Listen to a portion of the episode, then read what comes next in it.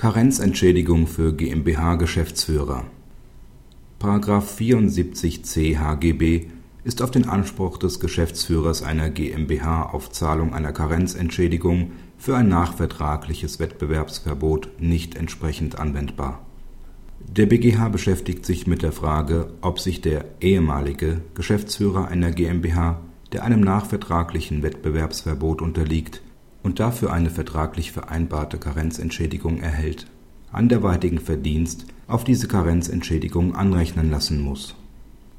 Der BgH verneint diese Frage und sieht insbesondere keinen Raum für eine analoge Anwendung des § 74c HGB.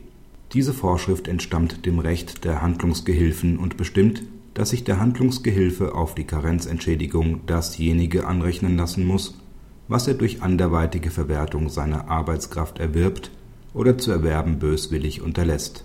Der Anrechnung des Erwerbs aus einer anderweitigen Verwertung der Arbeitskraft nach § 74c Absatz 1 HGB liegt der Gedanke zugrunde, dem Arbeitnehmer keinen Anreiz für einen steten Arbeitsplatzwechsel oder gar für ein Leben ohne Arbeit zu bieten.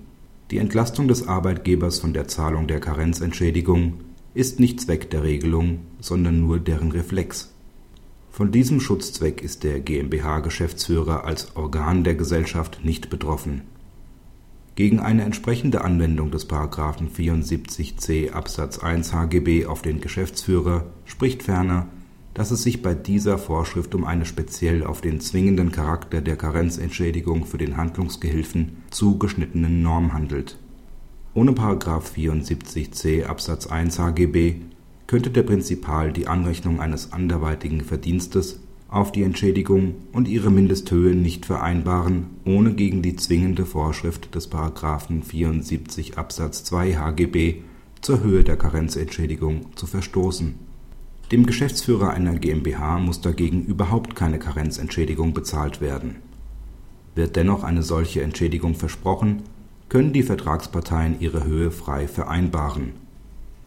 Entsprechend unterliegen auch die Anrechnung und das Ausmaß der Anrechnung eines anderweitigen Verdienstes der freien Vereinbarung.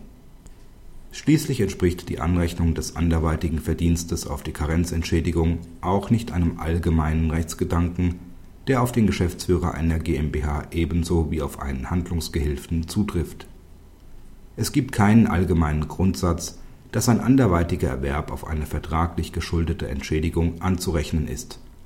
Leistungen Dritter lassen vertragliche Verpflichtungen grundsätzlich unberührt.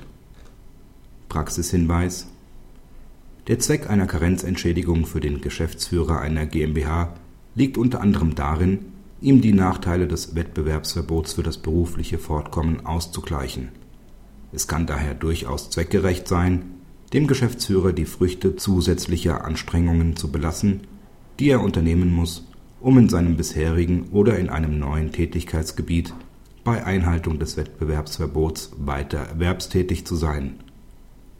Sollte von den Parteien eine vollständige oder teilweise Anrechnung anderweitigen Verdienstes gewünscht sein, so bedarf es einer entsprechenden Regelung im Geschäftsführeranstellungsvertrag aber auch bei Fehlen einer solchen vertraglichen Vereinbarung hat es die GmbH in der Hand, sich aus der Verpflichtung zur Zahlung der Karenzentschädigung zu lösen, nämlich indem sie ihrerseits den Geschäftsführer aus dem nachvertraglichen Wettbewerbsverbot entlässt